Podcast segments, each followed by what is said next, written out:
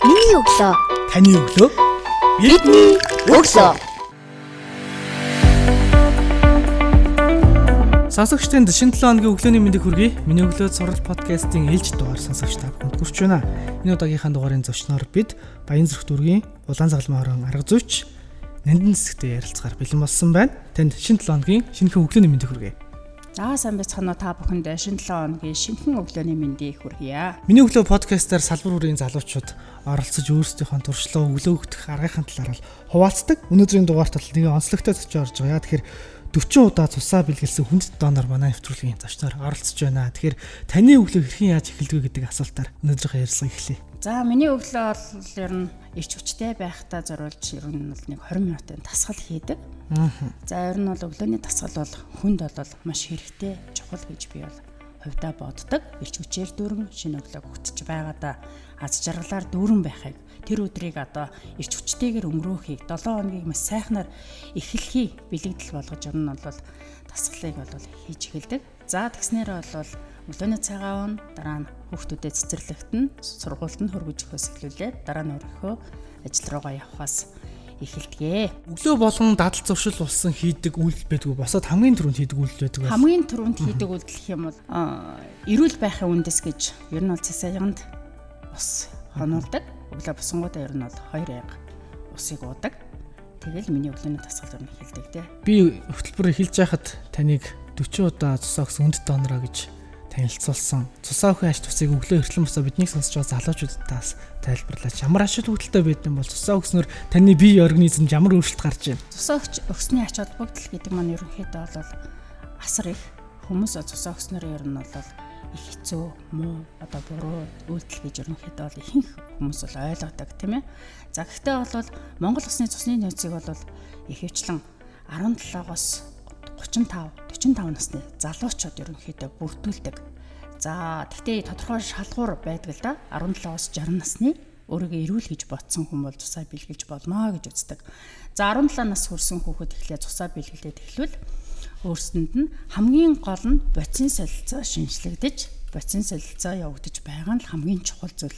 За тэгээд мэдээч хэрэг нас ихаар олон олон суур өвчлүүд бий болдог хүний биед тэр эдгээр өвчлүүдээс урьдчилан сэргийлж байгаа нь хамгийн том ач холбогдол. Цусаа бэлгэлэхийн бэлгэлэх болсон шалтгаан маань ер нь хоёр шалтгаантай. За нэгдүгürt нөх юм бол миний өвөө бол хоёр танд оролцсон ахмад айчин.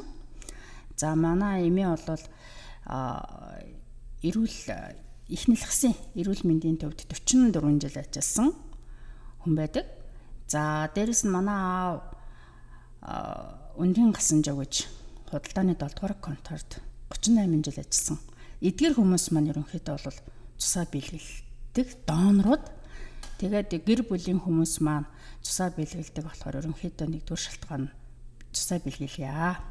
За дараа нь болохоор би өөр эрүүл мэндийн хөтөлбөрийг хариуцсан учраас донорын сургууль сурталчилгааг хийдэг аж ахуй нэгж байгууллага, төрийн бас байгууллага тий дээрэс нь ихтэй сургууль, коллежуудын хотод хийдэг. Дээрэс нь Монголын улаан загалмаа нийгэмлэг донорын тухай хуулиндаа донор элсүүлэгч сургууль сурталчилгаа хийнэ гэсэн томоохон үүрэгтэй байдаг. А тэр үүргийнхаа дагуу бол ер нь бол бусдыг тийм ээ өөрөөрөө үлгэр дуурайл болгож цусаа бэлгэлье гэж. Ер нь бол ийм хоёр шалтгааны улмаас бол цусаа бэлгэж эхэлсэн. Сүүлийн ер нь бол 5 жил бол эрчимтэйгээр бол цусаа бэлгэлсэн. Тэгээд энэ ташрамт хэлэхэд ер нь залуучуудыг бол тусаа бэлгэлээч ээ. Бусдын амь насыг аврахад хүчин зүтгээч. Тэр бол маш их хүнтэй хувь нэмэр өөрийнхөө бүрэлдэхүүн хэсгийг бусдад бэлгэлнэ гэдэг бол ер нь бол олдшгүй одоо олдшгүй маш их завшаан амь насыг аварна эрүүл мэндийг дээрдүүлнэ гэдэг бол маш их буян юм шүү гэдгийг бас хэлмээр байна. 2 сард нэг удаа цусаа боломжтой юм билээ ш. Тэгэхээр жилд 6 удаа цус өгөх боломжтой гэсэн үг тийм. Тий. Эрэгтэй хүмүүс ер нь бол жилд 6 удаа өгсөй. Эмэгтэй хүмүүс бол жилдээ 4 удаа өгнө. Тэгээ энэ дотор ч нас нөгөө бүхэл цусаа өгдөг хүмүүсний их хэмжээний юм байдаг. Хугацаа. Аа севен ч юм уу улаан эсээ өгдөг ус ч арай өөр. Өө за. А севен жишээлбэл 14 хоногийн хугацаатай. 14 хоног тутам 14 хоног нь өгнө гэсэн. За тэгэхээр тэр хүн чинь 4 удаа өгчөөл сар амарна. Тэгээд дахиад 14 оны хугацаатаа 4 өгөөд сар амраад бүхэл цусаа өгөөд эрэгтэй хүн бол 2 сарын дараа дахиад сэвэнгөө өгч болох нь шүү дээ. Эмэгтэй хүн бол 3 сарын дараа тусаа. Би одоо сая 8 сарын 24-нд хагалгаанд орсон байхгүй гарныхаа хатаасыг авахсан. Ингээд би бол өмнө манай байгууллага дээр тусын төгсрээ тус авч яхад улирц дүмд ирдэг байлуу да. Баян итгэвтэй өгч ийсэн 2015 оноос хойш бараг 10 гэсэн баг шүү. Тэгээд яг энэ гараа хагуулсантай холбоотойгоор яг нэг асуудал гавдсан шүү дээ юм шиг. Тийм. Эрүүл мэндийн а, өвчин юу байна те. Энэ анкетыг бүгүүлж явахдаа бид ч худлаа бүгүүлж болохгүй шүү дээ. Өвчтэй өвчгүй болохгүй. Тэгээд би хаалганд орж исэн маа гэсэн чинь за тэгвэл хаалганд орсныхаас 6 сарын дараа гэсэн жилийн дараа гэсэн өгөх боломжтой. Тэгэхээр би одоо ирэх 21 оны 8 сараас хойш тусах боломжтой юм биш үү те. Боломжтой. Яг гэхээр а та бүгдийн бэлгэлсэн 350-аас 400 мл грамм цусаар 3 төрлийн бүтээгдэхүүн үйлдвэрлэж 3 хүний амнасыг авардаг байхгүй. Тэгэхээр бид нар хизээч тэр асуумжинд худлаа хариулж болохгүй. Та ямар нэгэн өвчнөө нуугаад тэр хүнд ингээд ингэсэн бол хэдийгээр шинжилгээ хийж байгаа л да. Тэгэхээр хамгийн гол нь үнэн зөв бүлэх хэрэгтэй. Яг тэгэхээр тэр танд хийж байгаа тэр шинжилгээг хийдэг тэр аппарат өөрөө маш өндөр өртөгтэйгээр Монголд орж ирдэг. Тэгэхээр үнэн зөв бүлэх хэрэгтэй. За тэгээд мэдээж хэрэг тодорхой шаардлагууд байгаа шүү дээ. Илгэний БЦ-тэй, сахартай, зүрхний хагалгаанд орж исэн, бүрний хагал, бөөр солиулж исэн их мэдчихдээ хүмүүс бол ерөөсөө өгөхгүй. Ордоо орохгүй хавдрын хагалгаан дотор орж исэн. А зөвхөн түр хугацаагаар бол түрүүний тийм ээ хагалгаанд орсон бол жилийн дараа, шивээс илгэсэн бол 6 сарын дараа, шүдэ ахуулсан бол сарын дараа гих мэдчлээ. За эмэгтэй донор явж жирэмсэн бол болохгүй. Хүүхэд нь 2 нас хүрэх бол бас болохгүй. Хэсэг хугацааны дараа өхнө дээ. Сарын хэр ирсэн бол бас болохгүй. Гих мэтлэн нэг төр хугацаагаар ингэж хойшлогддог шалтгаанууд ингэж байдаг. Тэгэхээр магадгүй нэг зүү тарианаа сайдаг монголчууд чинь цусаа өгнө гэхээр миний цусыг аа тэгээд дахиад цус маань хэрхэн яаж ямар хугацаанд үүргэн төлчих юм бол а мөн тэгээд цус өгснөөрөө сайн тал нь юу юм бол гэл ингээ бодож явж байгаа. Тэгэхээр та цус өгөхийн сайн талуудыг хувь хүнд гарч ирэх өөрчлөлтүүд би организм яаж нөлөөлөх вэ? Энэ талаар та мэдээлэл өгөөч. Айдаг хэсэг бүлэг хүмүүс би. Тэр нь болохоор ер нь эрхч Тий, ирчүүчүүд ирчүүч хад чулуу мэт мөртлөөл шүү дээ эмэгтэй имлэгтэй. хүмүүс нөгөө нэг хүүхэд төрүүлдэг гэдэг утгаараа өвчлөлийг төсвөрлөдөг. Ямарваа нэгэн өвчлөлийг төсвөрлөдөг. За эрэгтэй хүмүүс яг мэдээж хэрэг бүдүүн зүгээр авдаг. Гос утаснаас танаас цусыг авч байгаа учраас. За тэр зүгийг хараад манай элчүүд маань ерөнхийдөө айгаал явцдаг. За ер нь бол ихтэй сургуулиуд дээр очихоор а, 100-ны ер нь 80% нь охтууд өгдөг. За нэг 20% нь гуйлгаж түүлгэж нэг ирчүүд өгдөг. За мэдээч хэрэг нийт гэхгүй л дээ. Мэдээч хэрэг а, манай дээр 600 удаа хүчгсэн тий 600 хүний амь насыг аварчихсан манад. А, одоо байна тийм ээ. Хангаар дотонгор шагнасан манай хүндэт онор байна тий гих мэтчлэн хүмүүс би гэхдээ л ирчүүд маань зөрөгтэй тийм ээ. Цусаа магадгүй таны ихнэр магадгүй таны хүүхэд тусал цусны тусал цус хэрэгтэй болж магадгүй тэгэхээр манай бүтээгдэхүүнүүд бүтээгдэхүүнүүд мэдээж хэрэг тодорхой хугацаагаар хадгалагддаг.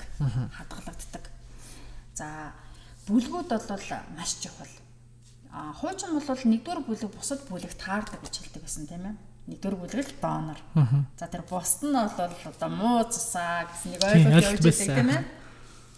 Гэтэл үнэхээр бүлэг бүлэгтэй л таардаг. Нэг бол нэгтэй л таарна, хоёр бол хоёртой л таарна. За гэтэл нэгдүгээр бүлэг, гуравдугаар бүлэг бол мэдээж хүн амын 30 гаруй хувь, 40 гаруй хувийг эзэлдэг. Гэтэл хоёрдугаар бүлэг 22%, дөрөвдүгээр бүлэг 7% эзэлдэг. Тэгээ 3 сая хүний 7% үдчих хэдэн хүн дөрөвдүгээр бүлгийн тустай байх нь тий. Тэр хүн цусаа өгөх юм бол эрсдлээс өөрийгөө урьдчилан сэргийлнэ.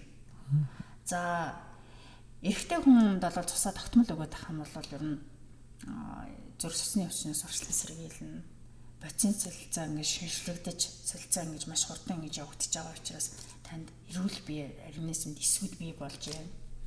За цусаа өгс- өгснөөс хойш нэг 48 цагийн дотор бол цус төлжин 2 сарын дараа та яах нь таны бие организм цусаа өгөхөд бэлэн болсон байх нь гих мэтчлэн ач холбогдлууд байна тий. За манай хүмүүс бол ер нь миний цусыг аваад ер нь яадаг болтоо гэсэн тийм ойлголтууд юм. Яа тийм ер нь яах юм тэгээд идэг. Тайлбарж өгöd байхад Ямар их авдгийг л гэдэг. л Харин гэдэг. тий. Шилдэг Яг юу гэдэг тэр ингэдэг. Дөрвөн хуруу шилэн танаас цусна. Тийм, хуруу шилэн явж байгаа. За тэр гэдэг маань дөрвөн шинжилгээний хариу гарна гэсэн. За цусаа өгөхөөс өмнө мэдээж хэрэг бүлгийн чинь тодорхойлно. Цус багталтыг чинь тодорхойлно. Цусны даралтыг чинь үздэг. За тэгсний дараа дөрвөн хуруу шилэнд авж байгаа авсан цуснаас дөрвөн шинжилгээ гаргадаг. Нэгдүгээрт нь нэлгэний BC, B, C, дох, тэмбүү гэсэн. За энэ нь болохоор мэдээж хэрэг бодис солилцоо явагдахаас гадна та тогтмол цусаа өгöd байх юм бол эрүүл мэндийн хянаад яваад байна гэсэн үг. Эрүүл мэндийн хянаа яваад байна шүү дээ. Тэгэхээр дараа өглөө магадгүй танд асуудал гарсан байвал тэрийг мэдхгүй өгөхгүй байвал мэдхгүй л яваад байна шүү дээ тийм ээ асуудлаа. А гэтэл та а, 20 дахь удаа өгсөн чинь танд ямар нэгэн асуудал гарчихсан. Тэгэнгүүт л яах нь вэ? Асуудлаа шийдэхин тулд та яах нь вэ? Имлэг зорих болно тийм үү? А гэтэл цусаа өгөөгүй л яваад байдаг нөгөө асуудал танд байгаа л байдаг нөгөө асуудал мэдхгүй л яваад байгаа чинь тань эрүүл мэндэнд яах нь харанга дэлдээд л юм гэсэн үг тийм ээ. Тэгэхээр маш олон ач холбогдолтой юм шүү гэдгийг бол хүмүүст бол бид нар бол маш их сурчлагаагаар хүрдэг. Аа тэгтээ хүлээж авах нь бол маш цөөхөн ихтэй залуучууд энэ цусны донорыг нэг өргөжүүлж байна. Энэ бол маш их бахархууштай, магтууштай зүйл. Гэтэл та олон олон л хүмүүс өгмөр байна. Та юунаас ирч хүч урам зориг илүүтэй мэдэрдэг вэ? За ер нь бол маш олон зүйлээс авдаг. Маш олон зүйлээс. Жишээлбэл аа, за донор дээр гэл ярих хат чинь залуучууд өгөөлөл би чинь одоо байна. Ялангуяа 2 4 дэх бүлэг өгөөлөл би баярлаа л гүгээд. Яа тэгэхээр 2 4 чинь маш их хэрэгцээд байдаг. Монгол улс өөр эрлэг шилжүүлэх хаалгаа хийдэг болчихсон.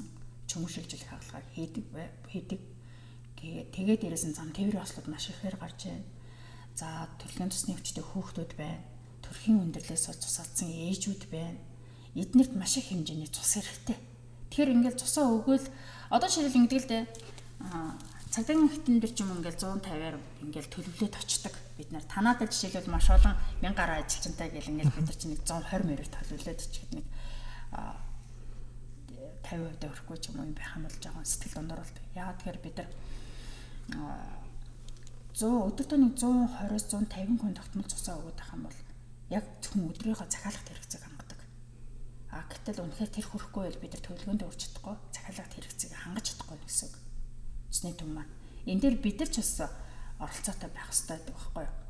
За тэгэл э, одоо ингээл айгу томоор ингээл 100-аар 150-аар төлөвлөд очдог нөгөөх нь 50% дэ өрөхгүй байл үнэхээр айгу сэтгэл дундуур хотыг.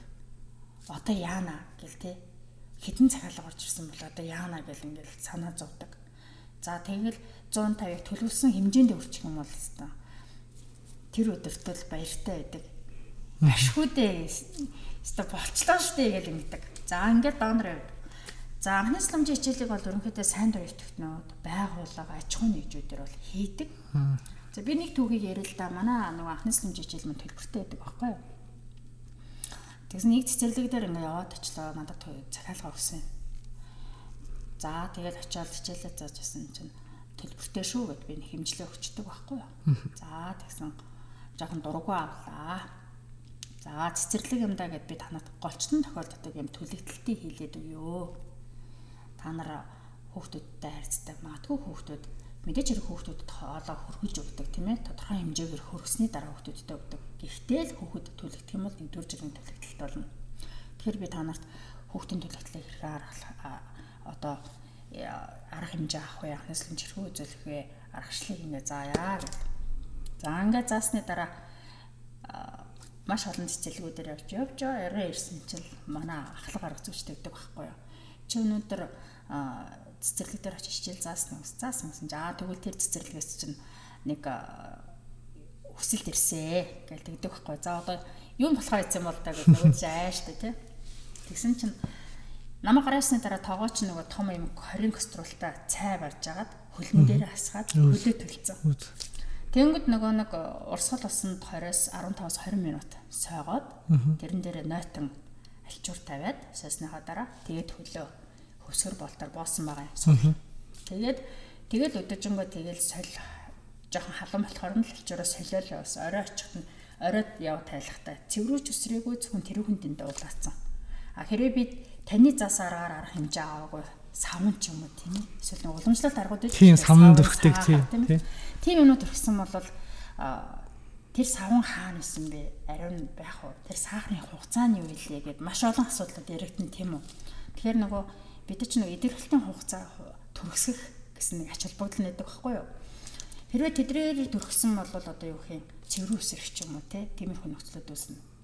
А таны аргыг ингээ хэрэгснээрээ миний хөлөнд ямар ч цэврүү өсөрсөнгөө маш хурдан идэглээ гэдгийг ингээд манай даргалуу ирсэн байсан. Авцаач баярлалаа. Тэгээд би ч одоо яана одоо ямар асуудал үүссэн юм болоо гэлээ. Тэгээд яг тэрийг би сонсоод маш их баярлсан. Бас миний хийж байгаа зүйлийг хүмүүс бас амьдралдаа хүргэх юм байна. За дараагийн цэцэрлэг дээр нь чинь эрхлэгч нь над руу ирсэн. Нөгөөдөр. Яасан гэсэн чи хүүхэд нь унаад мөрөө гэмтээсэн. Тэгэнгүүт нь нөгөө мөрөө гэмтээчвэл нөгөө мөргийг хөдөлгөөнийг хязгаарлах. Өөрөөр хэлбэл тэр чинь шөргөн сумцсан маа ч тийм мөр мултарсан байна гэдэг чинь.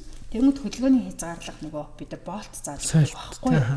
Тэгэнгүүт тэрийг ингээ хөөхтдээ хийгээд имлэг дээр очсон чи айгүй зүг арга хэмжээ авсан байна гэж хэлсэн.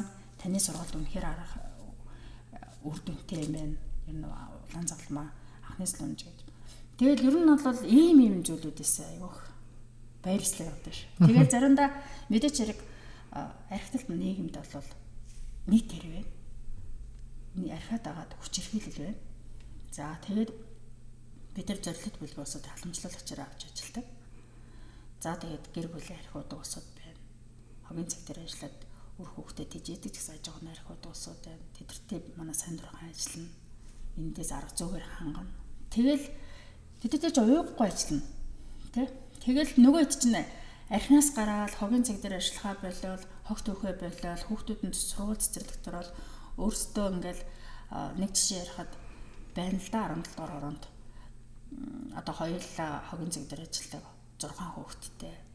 Тэгээд хоёулаа архиудаг, архины амралтай.